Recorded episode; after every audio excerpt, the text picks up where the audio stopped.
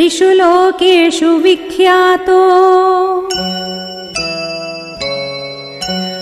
धर्मात्मा इति राघव स्वधर्मम् प्रतिपद्यस्व।